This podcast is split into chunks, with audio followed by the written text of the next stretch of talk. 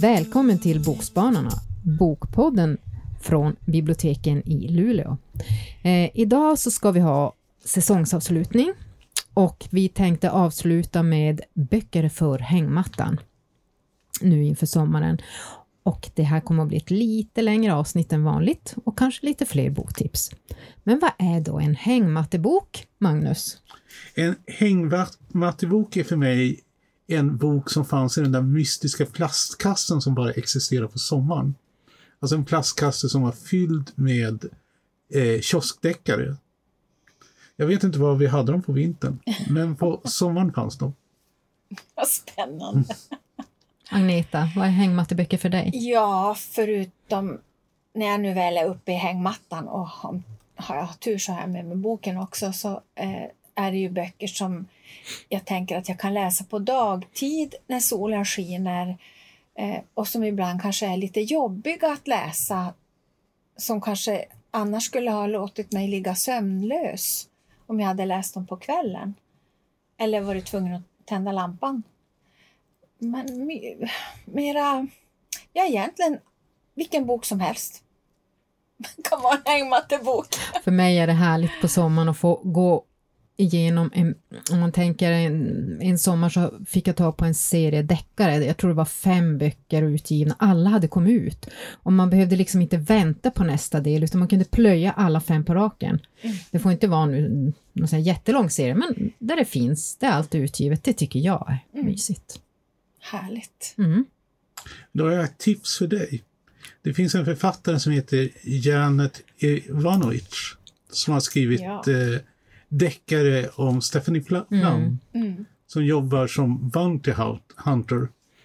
Och en bounty hunter det är någon som plockar in folk som eh, vad heter bail på ja, svenska? Men borgen, alltså de ja, är mot borgen. skyldiga staten pengar. Mm. Ja. Och med sig har hon då en före detta eh, prostituerad som klär sig i för tajta spandexkläder och som antingen skjuter män eller sätter sig på dem. Hon har också en fullkomligt eh, vansinnig mormor som bor tillsammans med hennes föräldrar. Mormodern driver liksom pappan till magsår och mamman till att dricka. Och mormoderns eh, favoritsysselsättning är ju att liksom gå på begravningar. Där hon antingen skjuter folk eller så flörtar hon med eh, män som har tänderna kvar förhoppningsvis. Hon har krav. hon har krav. Och Stephanie själv, hon är väl någonstans i 30-årsåldern, har självlockigt hår, hon har en hamster som heter Rex. Hon kan äta hur mycket som helst utan att hon går upp. Och hon har då två pojkvänner. Den ena heter Morelli som är någon sån italienare och eh, polis. Och den andra heter Ranger mm. och är kuban och jobbar med någon sån här mystisk säkerhetsövervakning. Eh, och eh, de här böckerna fortsätter. Eh, jag tror de är uppe i 27 delar nu. Är det, är det de här som är A, A för alibi, B mm. för... Nej, det är Nej, inte, det är inte de. Nej.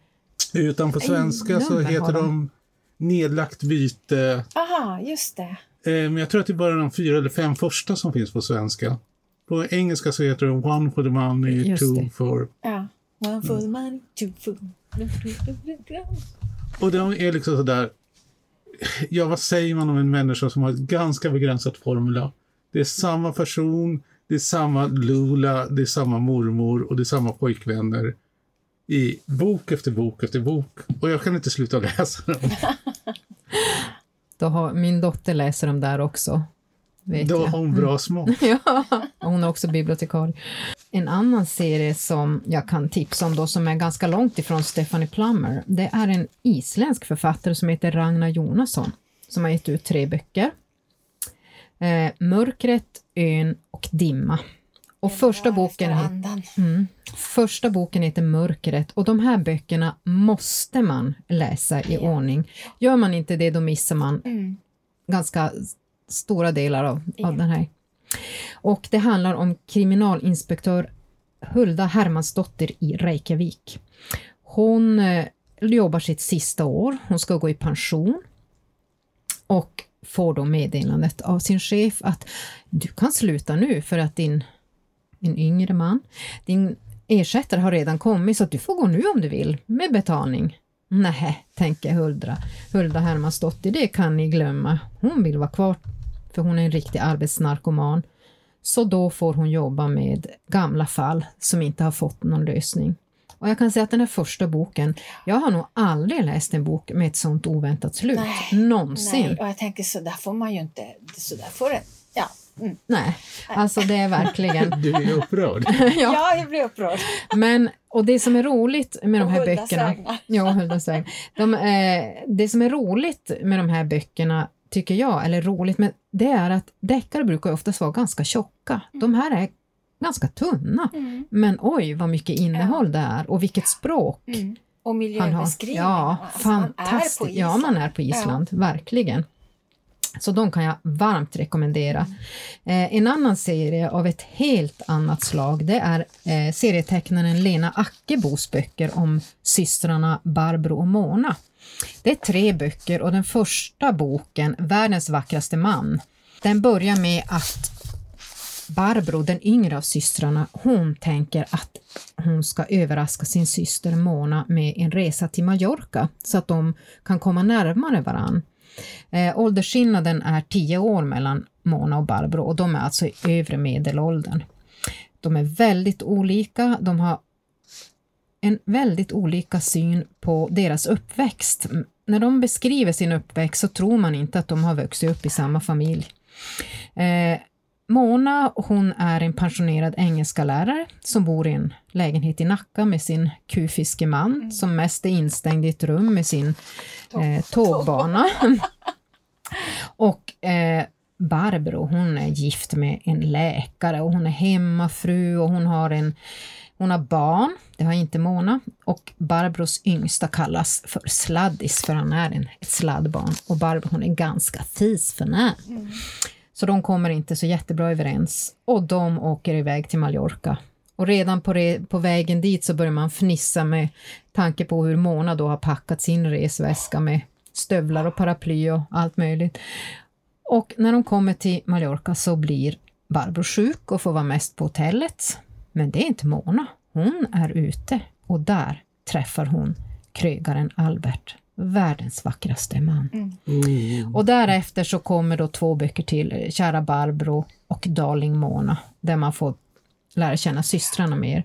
Och det här är verkligen det är både roligt och tragikomiskt Ja, kanske man kan ja. säga, för det finns ja, det finns så roliga passager ibland som man håller på att skratta ihjäl sig och lika tragiska. Ja, men vi pratade Den har liksom om, allt. om Monas baddräkt som Ja. hon har haft sedan hon var typ juniorsimmare. Ja, och i det här tyget som fanns förr i världen i baddräkter, det lite tjocka, täta tyget som vägde ett ton när man kom upp ur, ur vattnet. Så Ja, där har ni två olika serier att bita i till sommaren. Existentiell ångest på steroider. Nästan. Ska jag Ja. sticka mellan med en helt underbar bok som också har ehm, väldigt mycket svärta. Och den heter Erotiskt skrivande för ensamma änkor. Och bara titeln vet ni är ju helt... Jag gillar ju den här titeln Världens vackraste man. Men även den här Erotiskt skrivande för ensamma änkor. Eh, den handlar om Nicky och hennes syster Mindy, eller mest om, om Nicky. Eh, hon är född i London eh, av indiska föräldrar och hon och hennes syster då har inte blivit lika påpassade som de kvinnor som hon så småningom lär känna i stadsdelen South Hall där hon söker och får ett extra jobb som lärare på en skrivarkurs för kvinnor där många ursprungligen kommer från Punjab i Indien. Och hela det här området South Hall där det här stället hon jobbar på ligger är ett Indien i miniatyr. Och Kulvinder då, som har gett henne jobbet, hon arbetar i Southall. Och hon har krävt och fått men inte utan motstånd från männen. Hon har fått igenom en aktivitet även för kvinnorna och det här, den här aktiviteten vänder sig då främst till ensamma änkor. Det kan vara riktiga änkor och sen kan det vara kvinnor som eh, trots de har blivit lämnade av sin man och även om han lever så tycker hon att det är bättre att, att tänka att hon är änka för att det är mindre skämmigt så att säga. För här är det ju, här är, är liksom regeln på något sätt att man, man hellre dör än blir vanärad ungefär. Och det är väldigt många regler, dolda och uttalade som Nicky inte haft en aning om eftersom hon då har vuxit upp i ett mera fritt London och inte i det här lilla indiska London som jag tror många gånger blir mer indiskt än vad det är i Indien. Alltså för att ju längre man är hemifrån desto hårdare stramar man, man åt för att hålla kvar. Men jag ska komma till, till handlingen. Det är så här att de här kvinnorna då som, som Nicky ska ha på skrivarkursen, de kan, inte, de kan inte ens ABC, men de är desto bättre på att berätta och som de berättar sen. Det blir saftigare och saftigare. Det finns en kvinna som är med, hon heter Tarampal. Hon är den enda som verkar vilja lära sig skriva på riktigt. Så Nicky, hon hoppar av den här kursen för att hon tycker att de är alldeles för fräcka. Och eh, Nicky söker upp henne och har med sig lite hjälpmedel för att hon ska kunna fortsätta att lära sig läsa och skriva på engelska. Men när hon är där hemma hos Tarampal i hennes hus så framgår det saker om Kulvinders döda dotter Maja som gör att Nicky börjar fundera på om det verkligen var så att Maja tog livet av sig genom att bränna sig till döds eller om det är någonting annat som ligger bakom. Så att det är både en slags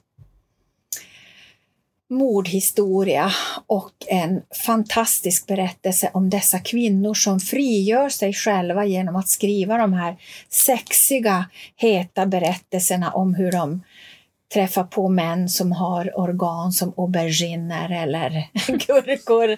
Lila? Lila, ja nu ska vi inte gå in på färgen här men jag tänkte mera på storleken. eh, och de här berättelserna, Nick är ju väldigt noga med att det som sägs i det här rummet måste stanna i det här rummet, för kommer det här ut, för det finns nämligen många unga arga män i Southall som är på de här kvinnorna när de tycker att de börjar ta sig för stora friheter. Men de här historierna, de skriver ju ner dem, Nicky och, och en av tjejerna skriver ner de här historierna och sen sprider de sig i princip över hela London. Så att, ja, det, det är en helt, egentligen en, en helt underbar utvecklingsroman. Erotiskt skrivande för ensamma änkor av Bali Kaur Jaswal. Hur fortsätter jag med det? Ja. Mm. Jag tror att jag ska prata om en bok om Strindberg. Tar du ner oss på jorden ordentligt här? Jo, det är väl kanske det mest oerotiska som jag kan tänka mig. En ilsk Strindberg som sk- skäller på Siri von Essen. Mm. Men den här är lite mer inriktad. Det här är alltså en tjock faktabok som heter Strindbergs lilla röda, boken om typerna av Alexandra Borg. Vacker är den. Ja. Den är jättevacker. Men man ska nog inte ha den kanske när man läser hängmattan. När man somnar så mm, kanske man får hjärnskakning. Jag vet inte. Jag har faktiskt tränat upp det där. Jag, eh, kan, jag läser alltid liggande. och Jag läser ofta i sängen innan jag somnar. Så jag har tränat upp mina handleder. Så jag kan vakna på morgonen när jag håller en bok ovanför ansiktet. Fast den här är nog lite för tung Ja. även för mig. Men då kan man ju undra vad, vad det är för typer då som den handlar om. Och den har alltså följt utgivningen av eh, Röda rummet genom tiderna. Där de har sett alltså vilka fonter har använts, vilka omslag, hur presenterar man den, vilka baksides texter skriver man. Och jag som är lite nördig, jag kan ju inte säga nej liksom till en bok som har illustrationer med överkryssad korrektur. Mm. Så det är verkligen mitt tips för sommaren och den är så tjock så det kommer nog ta hela min semester att ta sig igenom den. Och det som är bra, att det här är inte bara en bra bok, utan det är en garanterat bra bok eftersom den har fått stöd från Kulturrådet. Mhm. Och så kanske inte en bok som man sträckläser heller direkt. Jo, Eh? En bok som man definitivt sträckläser. Jag var inte alls eh, kontaktbar enligt min man när jag läste den här. Det här är en alldeles, alldeles garanterat fantastiskt, man skulle nästan kunna säga äventyrsroman. Men det som är så bra med den här romanen är att den är baserad på verkliga händelser. Eh, Under en brinnande himmel av Mark Sullivan. Och den här boken började eller kom till liv när författaren Mark Sullivan var på väg till en middagsbjudning och han var ganska nere. Han hade inget projekt och han kände sig lite nere helt enkelt. Och när han sitter på den här middagen så hör han hur några personer pratar om en ung tonårig pojke i Italien, Pino Lella, som under andra världskriget smugglade judar eh, i de italienska alperna och in i Schweiz. Och han blir alldeles fascinerad och tänker, kan det här verkligen stämma? Är det här på riktigt? Så han försöker få tag i den här Pino Lella och när han får tag i Pino så vägrar Pino ställa upp på att bli intervjuad eller ens prata om det han har varit med om. Men Mark han ger sig inte, han fortsätter med sin kontakt och till slut så ger Pino Lella med sig och Mark Sullivan åker ner till Italien och får då träffa Pino Lella och han stannar där väldigt länge. Och de åker runt och Pino visar honom Alperna där han då har hjälpt de här eh, judarna över till Schweiz. Och så skriver Mark Sullivan boken. Eh, den, är, den är klassad som en roman, för han har ju naturligtvis kryddat eh, berättelsen, men händelserna, allt det här har hänt alltså på riktigt. Och denna Pino Lella, han är alltså på ett läger uppe i italienska alperna. Han lär sig då ursäkta, bergsbestigning och prästen som har hand om pojkarna på det här lägret, han frågar Pino om han kan visa över några personer då till Schweiz.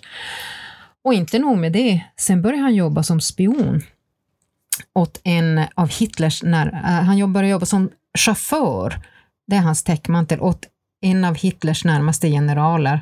Men han är ju egentligen spion. Så han får vara med och träffa alla möjliga kända människor. Och det här är ju verkligen det här, man kan säga verkligheten överträffar dikten. Den är vansinnigt spännande och den är på väg att bli tv-serie har jag hört. Och jag lovar, börjar ni läsa den här, alltså man kan inte sluta. Det är helt otroligt spännande. Under en brinnande himmel av Mark Sullivan. Mm. Nice. Men jag har en bok, eh, jag tänker så här, om man bara ska läsa en enda bok under sommaren, då ska man välja Ödesmark av Stina Jackson, hennes senaste. Hon, hon kom ju med en bok först som heter Silvervägen. De hör inte ihop, men vad de har gemensamt är att båda utspelar sig i Norrbotten. Och eh, det här är, jag tycker det är en fantastisk uppföljare till debuten Silvervägen. Vi är alltså i Norrbotten, i den lilla byn Ödesmark utanför Arvidsjaur. Och där bor Liv tillsammans med sin åldrige far Vidar och sonen Simon, han går i gymnasiet. Precis som på alla andra små orter så vet all, alla allt om varandra, eller tror sig veta. Och i Ödesmark med omnejd är det precis likadant. För det går en massa rykten om att Vidar har en massa pengar hemma och det pratas om hans sätt att knyta dotter och dotterson till sig. Och vem är egentligen Simons far? Och varje dag så skjutsar Vidar Liv till och från jobbet på macken i Arvidsjaur, trots att hon har körkort och trots att han har ont, svårt ont av sin reumatism. Och parallellt så får vi följa Liam, en ung man med en femårig dotter, Vanja. Och Liam han har ett struligt förflutet och lilla Vanjas mamma hon befinner sig djupt nere i knarkträsket. Och för hennes skull så vill ju Liam då, eller måste, han skärpa till sig. Men ah, det är ett stort hinder i vägen och det är hans egen brorsa Gabriel som är så långt ifrån den här ärkeängeln man kan komma. Eh, och Gabriel han kommer på att de ska stjäla Vidars pengar, för han har nämligen kommit över en ritning på huset där pengarna finns. Och ja, som läsare så känner jag ju så otroligt starkt för både, både Liam och Liv och man vill ju verkligen att, att det ska gå bra för dem båda två. Men alltså hon skriver så fantastiskt bra, Stina Jackson, så man vill bara läsa och läsa och läsa och läsa. Så jag hoppas att hon redan håller på med sin tredje bok. Men du vill ju alltid läsa. Ja. Ja. ja, jag vill alltid läsa, men alltså det är... Åh, den är så himla bra. Eh, jag har en annan också som handlar om någonting helt annat. Och det är Maja Lunde som har skrivit en bok som heter Blå. Eh, hon skrev ju tidigare då Binas historia som var riktigt bra. Eh, Blå är om möjligt ännu bättre och den utspelar sig både i Norge och i Frankrike. I Norge i nutid och i Frankrike i framtiden.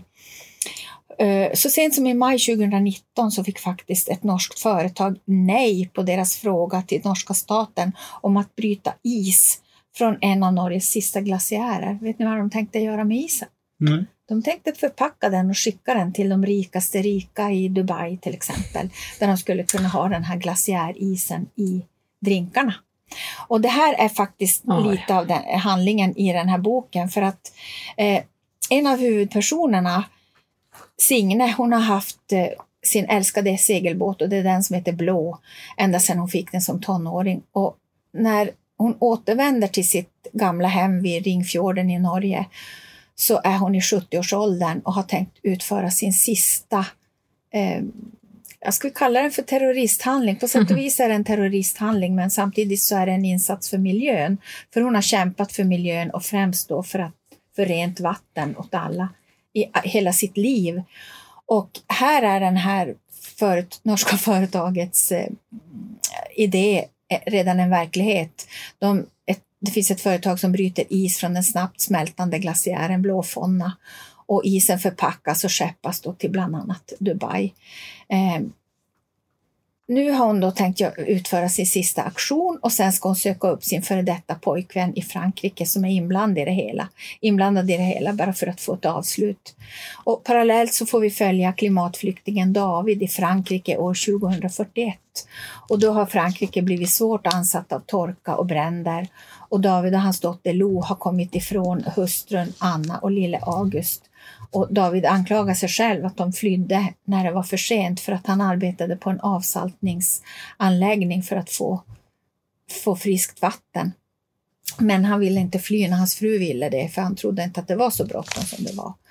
Och nu när David och hans och Lo befinner sig i Röda Korsets flyktingläger så för att få dagarna att gå så utforskar de omgivningarna och i en trädgård till ett övergivet hus så hittar Lo någonting konstigt. Och jag tycker precis som i Binas historia så har Maja Lunde lyckats knyta ihop den här historien på ett fantastiskt bra sätt. Maja Lunde Blå. Mm. Mm. Då man kanske kan tillägga att det här med isexport, det är faktiskt inget nytt. Utan på 1800-talet, när man inte hade kylskåp istället, så hade man isskåp, alltså en liten trämöbel som man satte in is i. Så exporterar man is från Norge till bland annat USA. Alltså där man eh, på vintern sågade ut liksom stora block ifrån sjöar. Mm. Och sen så klädde man dem i sågspån och seglade dem över i liksom havet. Och det som var kvar då kunde man hu- hugga upp i små bitar. Och det fanns till och med märkesis. Och den finaste isen det fick man från en sjö utanför eh, Philadelphia. Jag kommer inte ihåg vad den heter nu. Jaha. Och den var så fin så man tog helt enkelt och döpte om en sjö i Norge så att den skulle ha samma namn. Wow! Så man kunde säga att här får ni märkesis. eh, det här var en liten utvikning. Och när vi ändå är inne på 1800-talet så skulle jag rekommendera en deckare som heter A- an, And Dangerous to Know, A Rosalind Thorne Mystery av Darcy Wilde. Och det här är alltså en sån här pastischdeckare. Den utspelar sig i slutet av 1800-talet. Hon är en adelskvinna som egentligen, om hon visste sitt bästa, skulle hon gifta sig med en rik man och leva lycklig resten av sitt liv. Men det vill hon ju inte, därför hon är förälskad i en detektiv som står långt under henne i rang. Men hon lyckas eh, försörja sig själv på att också lösa, lösa brott. Och anledningen till att hon får liksom tillgång och kan lösa brott, det är ju just därför att hon känner massa folk inom adeln. Och när hon vill eh, läsa upp något lite diskret så kontaktar de henne istället. Och den här deckaren inleds då med att en eh, grevinna har fått brev från Lord Byron stulna. Och alla vet att Lord Byron, han var en poet Mm. med synnerligen dåligt rykte. Så de här eh, breven lär innehålla något fullkomligt sensationellt som kan förstöra en hel engelsk eh, familj. Oj. Det är Mm, synd att inte våra lyssnare kan se framsidan på Mm. den här boken, för den är ju jätteläcker. Och på, på tal om framsidor, berättelsen om Alice Hart av Holly Ringland. Fantastiskt vacker bok, både på utsidan och på insidan är varje kapitel börjar med en teckning av en växt och det står lite grann om växten. Men det var inte det som faktiskt gjorde att jag fortsatte läsa den här boken, utan det här är en sån där bok som redan första meningen gör att man, man kan inte, man måste läsa vidare. Och den första meningen lyder så här.